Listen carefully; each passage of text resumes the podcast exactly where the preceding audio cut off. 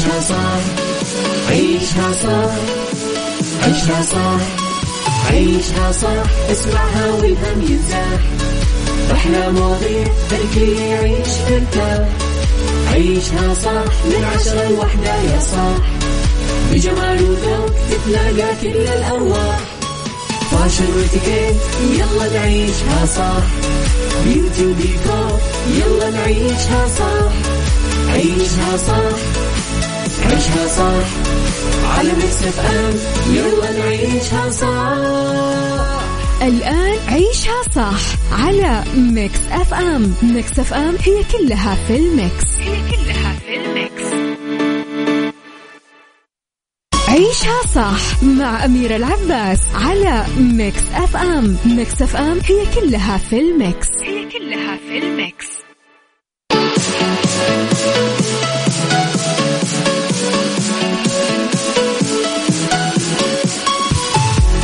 يسعد لي صباحكم جميعا. اهلين وسهلين ومرحبتين مستمعينا في إذاعة Mix FM. هلا والله وسهلا ومرحبا. في عيشها صح معكم عبد العزيز عبد اللطيف. فيها الصباح الجميل فيها الصباح اللي كله نشاط.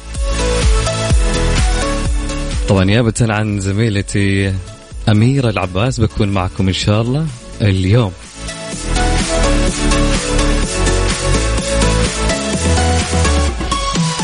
طبعا اليوم عندنا فقرات كثير حلوة وغير الأخبار وغير السؤال اللي بتناقش معاكم اليوم إن شاء الله فيه وفي فقرة الديكور كالعادة. طبعا طريقة المشاركة عن الواتساب على الرقم البرنامج صفر خمسة أربعة ثمانية وثمانين أحد عشر سبعمية. طبعا راح نتناول أهم الأخبار اللي معانا اليوم وناخذ خبر خبر معاكم نقرأ مع بعض.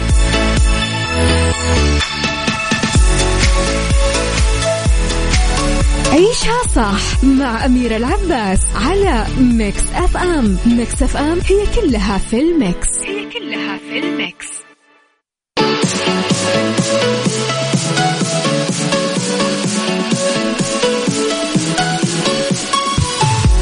رجعنا لكم مرة ثانية. هلا والله ومرحبا وسهلا فيكم كلكم معكم أخوكم عبد العزيز عبد اللطيف.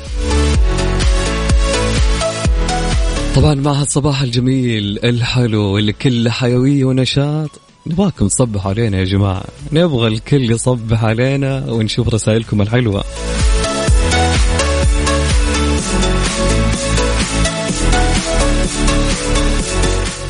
طبعا على آه، خبر اليوم يقول لكم آه، ولي العهد يطلق الاستراتيجية الوطنية للاستثمار. أطلق صاحب السمو الملكي الأمير محمد بن سلمان بن عبد العزيز ولي العهد نائب رئيس مجلس الوزراء رئيس مجلس الشؤون الاقتصادية والتنمية. حفظه الله أمس الاستراتيجية الوطنية للاستثمار. التي تعد أحد الممكنات الرئيسية لتحقيق مستهدفات رؤية المملكة 2030 وتمثل الاستراتيجية الوطنية للاستثمار أحد الممكنات الرئيسية لتحقيق مستهدفات رؤية المملكة 2030 والتي أجملها سمو ولي العهد عند إطلاق الرؤية بقوله إن بلادنا تمتلك قدرات استثمارية ضخمة وسنسعى إلى أن تكون محركا لاقتصادنا وموردا إضافيا لبلادنا. وأضاف حفظه الله أن المملكة تسعى لاستثمار مكامن القوة التي حباها الله بها من موقع استراتيجي متميز وقوة استثمارية رائدة وعمق عربي وإسلامي. وبمناسبة إطلاق الاستراتيجية الوطنية للاستثمار قال صاحب السمو الملكي الأمير محمد بن سلمان في بداية حديثه تبدأ المملكة اليوم مرحلة استثمارية جديدة تقوم على نجاحنا في زيادة عدد وجود الفرص للمستثمرين السعوديين والدوليين. لنمكن القطاع الخاص ونوفر له فرصا ضخمة. ولا شك أن الاستثمار هو أحد الوسائل التي ستساعدنا على تحقيق طموحات وتطلعات رؤية المملكة عشرون ثلاثون. بما في ذلك تنمية وتنويع الاقتصاد واستدامته ونقل وتوطين التقنية وتطوير البنية التحتية وتحسين جودة الحياة وتوفير فرص العمل وصقل مهارات ثرواتنا البشرية وتعزيز قدراتها لنترك إرثا من الازدهار لأجيال الغد.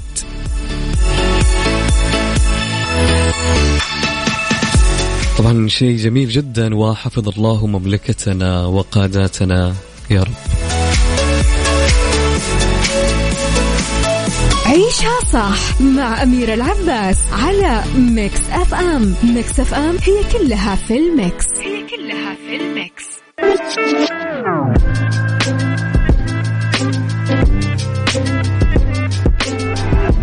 هلا والله مرة ثانية يسعد لي صباحكم. مرة أخرى رحب فيكم كلكم مستمعينا في إذاعة Mix FM وفي برنامج عيشها صح. طبعا موضوعنا اليوم اللي نتناقش فيه أو السؤال يقول لكم على جسور التسويف يبدو ذلك الكائن المستعمر ذواتنا. سيظل يشغلنا ويحجب النور عن أفقنا المكبل بألف لو. فالتسويف وأدواتها التي تنخر في هيكل اللا جدوى والذي ينهار رويدا رويدا. بات مشهدا مألوفا في فصل ضياع الفرص والانتظار على أطلال اللا شيء. فهل بات روتينا جديدا في حياتنا أم جزءا من تكويننا البشري؟ طيب السؤال يقول لكم حابين اليوم يا ريت الكل يشارك معنا. آه، من وجهة نظرك ما هو الفرق بين التسويف والتأجيل؟ ومتى يكون التأجيل سلبي ومتى يكون العكس؟ تمام. آه نستقبل المشاركات آه اللي حاب إن نتصل عليه على الرقم صفر خمسة أربعة ثمانية وثمانين أحد عشر سبعمية. أو إذا أنت حاب تشارك معنا على الواتساب برضو عيوني لك. ونقرأ مشاركاتكم يا حلوين. طبعا على رقم صفر خمسة أربعة ثمانية وثمانين أحد عشر سبعمية. سؤالنا يقول من وجهة نظرك ما هو الفرق بين التسويف والتأجيل؟ ومتى يكون التأجيل سلبي ومتى يكون العكس؟ عيشها صح مع أميرة العباس على Mix FM. Mix FM هي كلها في ال mix. هي كلها في ال mix.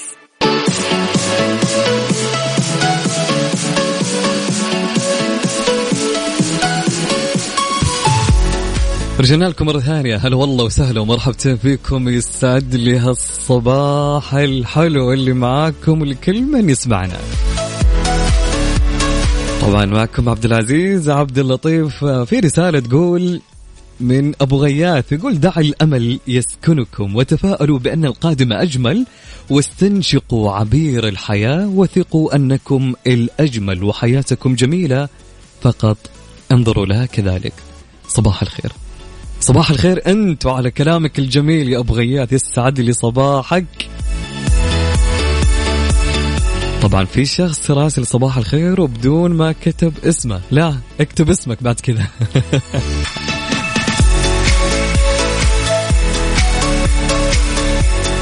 طيب كان سؤالنا يتكلم عن التسويف. يقول السؤال من وجهة نظرك ما هو الفرق بين التسويف والتأجيل؟ ومتى يكون التأجيل سلبي ومتى يكون العكس؟ طبعا عندنا مشاركة من صديقنا ردا أو في مشاركته يقول يعني تأجيل الأعمال والمهام إلى وقت لاحق. آه، أحد العلماء اقترحوا ألا نحكم على التصرف آه، بأنه تسويف إلا عندما يتوفر ثلاثة معايير. أن يكون للتأجيل نتائج عكسية. ثانيا أن يكون التأجيل لا حاجة له بمعنى أنه ليس هناك هدف من التأجيل. والثالث أن يترتب على التأجيل عدم إنجاز المهام وعدم اتخاذ القرارات في الوقت المحدد. شكرا لك. طبعا هذه كانت إجابة ورأي من ندى.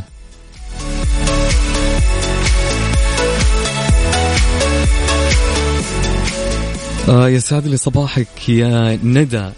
آه صديقتنا ريم تقول التأجيل هو إني أحط موعد جديد أسوي فيه الشغلة والتسويف يعني تأجيل بدون موعد. على قولتهم متى ما الله يفرجها وغالبا ما راح يجي موعدها إلا باللحظة الأخيرة. جميل ويسعد لي صباحك يا ريم.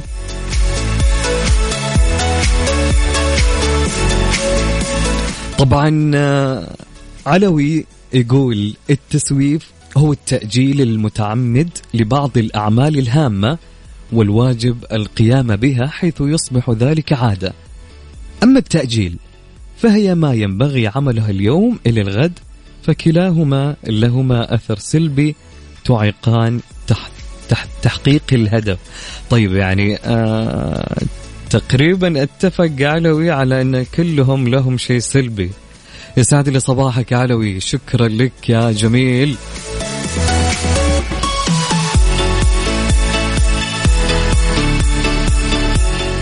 طبعا سؤالنا كان يقول من وجهة نظرك ما هو الفرق بين التسويف والتأجيل؟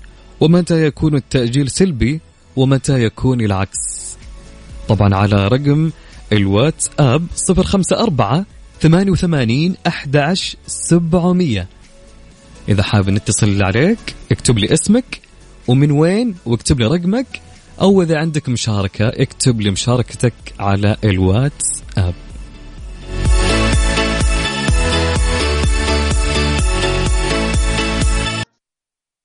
عيشها صح مع أميرة العباس على Mix FM. Mix FM هي كلها في ال mix. هي كلها في ال mix.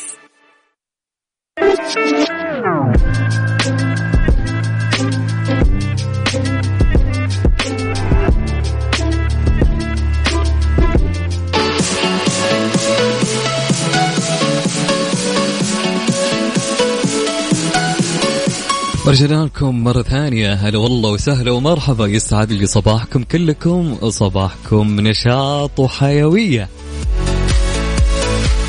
طبعا عندنا مشاركة من أختنا لطيفة تقول لطيفة صباح الخير أستاذ عبد العزيز وعلى جميع مستمعين مكس يسعد لي صباحك يا لطيفة. تقول لطيفة ولدنا وكل واحد فينا بيحمل فطرة جواته والتسويف موجود فينا. لكن بنسب مختلفة من شخص لشخص. والفرق بين التأجيل والتسويف أن التأجيل عمل بتقوم فيه مهما تأخرت عليه. لكن التسويف عمل لن يعمل أو لن يعمل إلا إكراها وبعد مدة طويلة. عني لا أحب أؤجل عمل اليوم للغد لكن هناك أعمال أجلها لتكون بوقت مناسب لأستفيد منها أكثر وأعتبر هذا ذكاء وهذا يختلف من شخص لشخص. وبس والله شكرا لك يا لطيف ويسعد لي صباحك. يقول صديقنا محمد من جدة صباح الخير مذيعنا عبد العزيز. بطبيعة الحال الإنسان يميل للراحة بوجهة نظري. التسويف والتأجيل وجه واحد للعجز والكسل وغالبا ما يكون سلبي. وما أشوف إلا جانب إيجابي وللأسف نعاني منه في واقعنا. شكرا لك يا محمد ويسعد لي صباحك محمد. محمد فطرت. عندنا مشاركة من عبد الرحمن محمد يقول التسويف الوعد بالفعل والتأجيل التأخير بالفعل. جميل يا عبد الرحمن يسعد لي صباحك وصباحك قشطة وعسل وكل حاجة حلوة يا عبد الرحمن.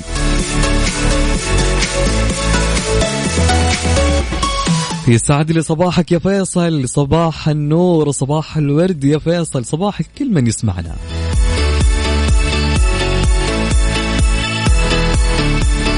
صباح الخير يا فاطمة.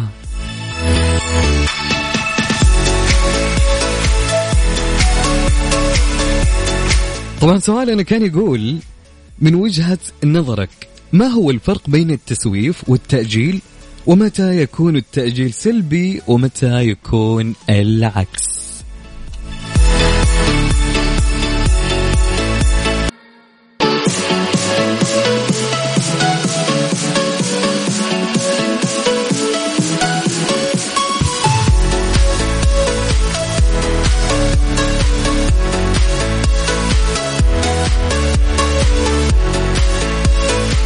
رجعنا لكم مرة ثانية. هلا والله وسهلا ومرحبتين في عشاء صح معاكم أخوكم عبد العزيز عبد اللطيف. مرة أخرى عندنا تهاني تقول أكبر تحديات الحياة هو تنفيذ المهام المطلوبة منك في الوقت أو قبله. التسويف والتأجيل هو بدايات الفشل والخسارة والهزيمة. طيب آه بالواقع يا جماعة آه من وجهة آه، نظرنا في السؤال آه، بين التسويف والتأجيل لم يتوقع أحد أن ثمة آه، موتا كلاسيكيا وهو يختلف بشكل جذري عن مفهومنا المعروف فمراسمه تبدأ بزوال الشغف والرغبة والوثوب نحو مفازات أخرى. يبعث من رفات التسويف ليستوطن إرادتنا في التغيير أو الإنجاز أو تحقيق منفعة أو حلم كسهم ضل طريقه بعدما انفلت من القوس. لتجنيه الأجساد الوهنة المتكاسلة. ليحل شعور من الريبة والخوف والتردد حتى تنسى لماذا وكيف ومتى قررت أن تؤجل. وربما أن الحاجة إلى توفير مساحة من الاطمئنان ومراجعة الأفكار والأهداف تجعل التأجيل أسلوبا تخطيطا مهما للتريث قليلا لتصويب خطأ قبل تنفيذ أي فكرة أو البحث العميق لإنجاح مشروع مبتكر. دون هدر وتسويف ضمن جدول زمني مدروس وواضح. يبدأ بعدها التنفيذ مباشرة كي تتنفس تلك الأفكار على أرض الواقع. ينحصر التسويف في تحقيق حلم أو إنجاز بل أن التسويف تعدى ذلك ليتصدر حياتنا الاجتماعية كالتسويف في تقديم دعم ومحبة التسويف في الاعتذار عن خطأ التسويف في كتابة رسالة قصيرة بإمكانها أن تمحو قطيعة وتعيد للطرف الآخر اعتباره التسويف في قبلة رضا على جبين أب وأم. التسويف في كرم أخلاق وبذل لمحتاج. التسويف في زيارة قصيرة لقريب. التسويف في تلبية دعوة فرح والتسويف في تقديم واجب عزاء. تأجيل يتلوه تأجيل لنتساءل. هل بقيت علاقاتنا الاجتماعية كما كانت؟ أم أنها باتت غريبة مختلفة؟ فالتساؤل مطلب مهم. كي لا نقع محبطين في أوحال لو ونحن نعبر جسر التسويف.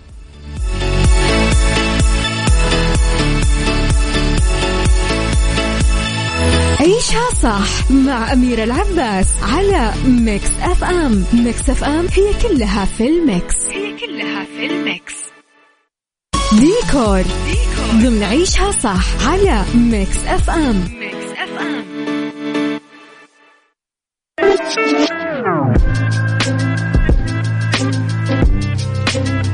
رجعنا لكم مرة ثانية. هلا والله وسهلا ومرحبا فيكم في الساعة الثالثة من برنامج عيشها صح معكم أخوكم عبد العزيز عبد اللطيف.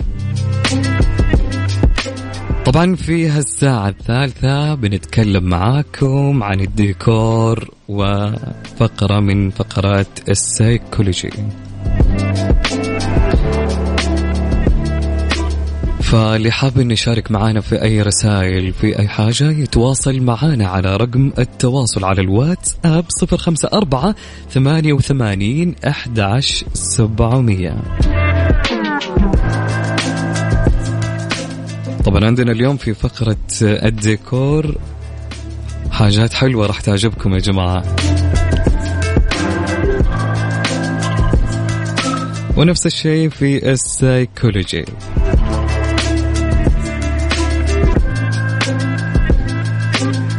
طبعا أكيد ما في fashion اليوم لأن أميرة ما هي موجودة.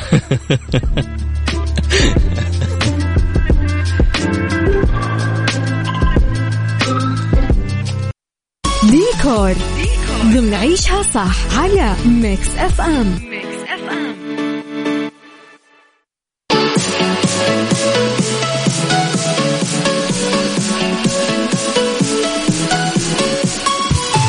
هلا والله ومرحبا. أهلين وسهلين. يسعد لي مساكم كلكم في برنامج عيشها صح معكم أخوكم أنا عبد العزيز عبد اللطيف.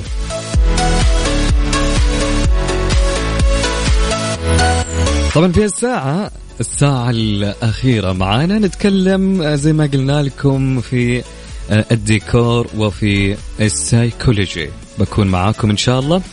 في فقرة الديكور بنتكلم اليوم عن اللون البني. البني لون التراب والديكور العصري. من الواضح أن حضور اللون البني طاغ على مساحات التصميم الداخلي هذا العام وسيستمر كذلك في عام 2022 آه يأتي اللون البني مرتبط ارتباط وثيق بالأرض وبحبوب القهوة وبالراحة التي يتوق إليها الأفراد في منازلهم. وهو يعكس الدفء والعمق ويستخدم في إطار توليفات محددة حتى يطل بصورة عصرية بخلاف الشائع عنه إذ يربط البعض بين اللون الترابي المذكور وحقبة غابرة.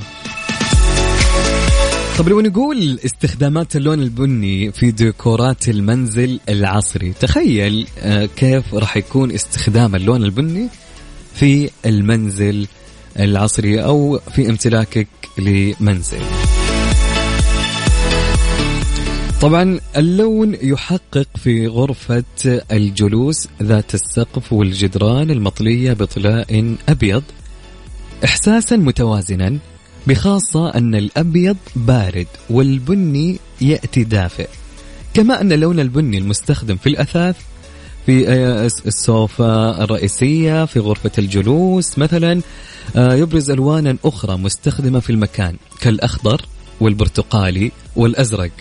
وهذه الأخيرة قد تحل على الوسائل. لتحقق طلة دافئة ومضيئة في الديكور بصورة لا تخطئها عين. صراحة يعني بكل أمانة اللون البني يعني من أجمل الألوان اللي تضيف للمكان يعني حاجة مميزة. طيب لو قلنا إذا كانت أرضيات الحيز بنية غامقة والجدران والسقف يكون لونه أبيض فإن الأريكة البنية ذات الوسائد الملونة بالوردي ستجعل المكان يتألق.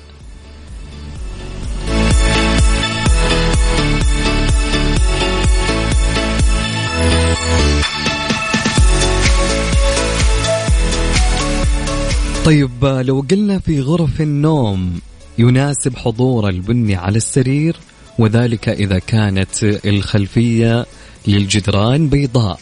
ومن جهة ثانية لا يجب الإفراط في استخدام اللون البني أو حتى اختيار أكثر من ظل منه في الغرفة الواحدة.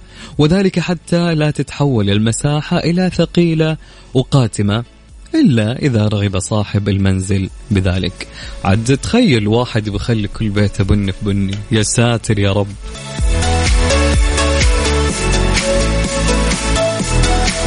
صح مع أميرة العباس على Mix FM. Mix FM هي كلها في ال mix. هي كلها في ال mix.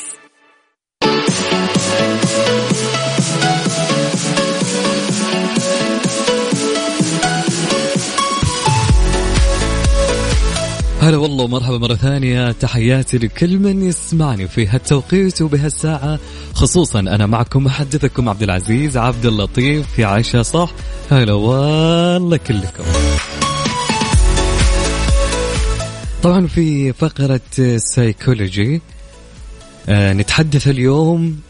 طبعا قبل ما أروح للفقرة تحياتي لك عبد العزيز الغامدي. عبد العزيز الغامدي كان يقول لي اسمها ألوان بوهو. في آه، فقرة ديكور كنا نتحدث عن اللون البني. شكرا لك يا عبد العزيز وراسل لي صورة لأحد الأثاث واللون البني بشكل عام.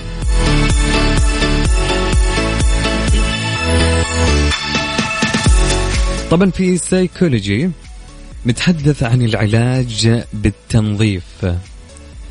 كيف يساعد العلاج بالتنظيف على صحتك أو على تحسين صحتك النفسية؟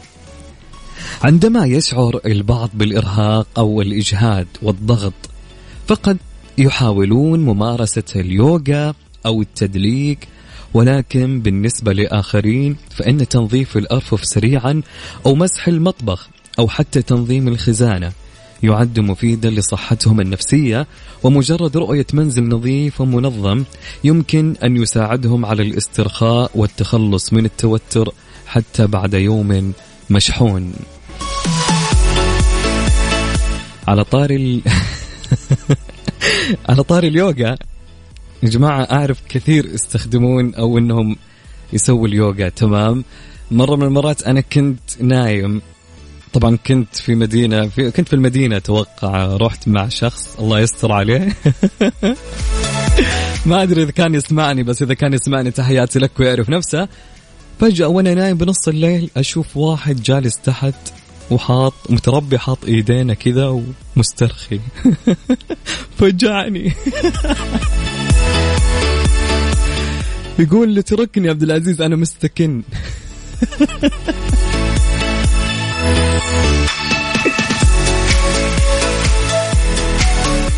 طيب آه، لو نتكلم على تأثير الفوضى تأثير الفوضى أظهرت الأبحاث أن التنظيف أو عدم التنظيف يمكن أن يكون له تأثير مباشر على الصحة النفسية إذ قد تساهم الفوضى في الاكتئاب. ووجد في دراسة بأن الأشخاص اللي منازلهم مزدحمة أو غير مرتبة أكثر عرضة للإرهاق والاكتئاب من اللي وصف بيوتهم بأنها تكون مريحة ومرتبة ومتجددة. ويمكن للفوضى أنها تزيد من التوتر والقلق ولكن من خلال التنظيف والتنظيم يمكن خلق بيئة أكثر استرخاء تساعد على التركيز بشكل أفضل. طب لو جينا نتحدث ونتكلم على فوائد التنظيف وجد وجدت الأبحاث أن التنظيف يمكن أن يكون له عدد من الآثار الإيجابية على الصحة النفسية. إذ يساعد على اكتساب شعور بالسيطرة على بيئتك وعقلك في نشاط متكرر يمكن أن يكون له تأثير مهدئ ويحسن الحالة المزاجية للشخص ويوفر أيضا إحساسا بالإنجاز والرضا. والله طبيعي فعلا يعني الشخص اللي يكون البيئة اللي حواليه تكون منظمة مرتبة ونظيفة بالمعنى العام والأصح. تحسه إنسان يعني إيجابي أكثر عكس الشخص اللي يكون في بيئة يعني ما هي آه نظيفة ولا هي مرتبة وحياته بشكل عشوائي تحس حياته سلبية. حرفيا عكس الشخص اللي حياته فعليا منظمة ومرتبة. طيب اكتشف الباحثون أن الناس الأقل تشتتا وأكثر إنتاجية وقدرة على معالجة المعلومات هم الذين يعملون في فضاء منظم ومرتب وينصحون من يواجه مشكلة في التركيز بتنظيم مساحة العمل أولا كما يقلل عدد الأشياء المحيطة بك من جذب انتباه عقلك بعيدا عن العمل. عيشها صح مع أميرة العباس على ميكس أف أم. ميكس أف أم هي كلها في ال mix. هي كلها في ال mix.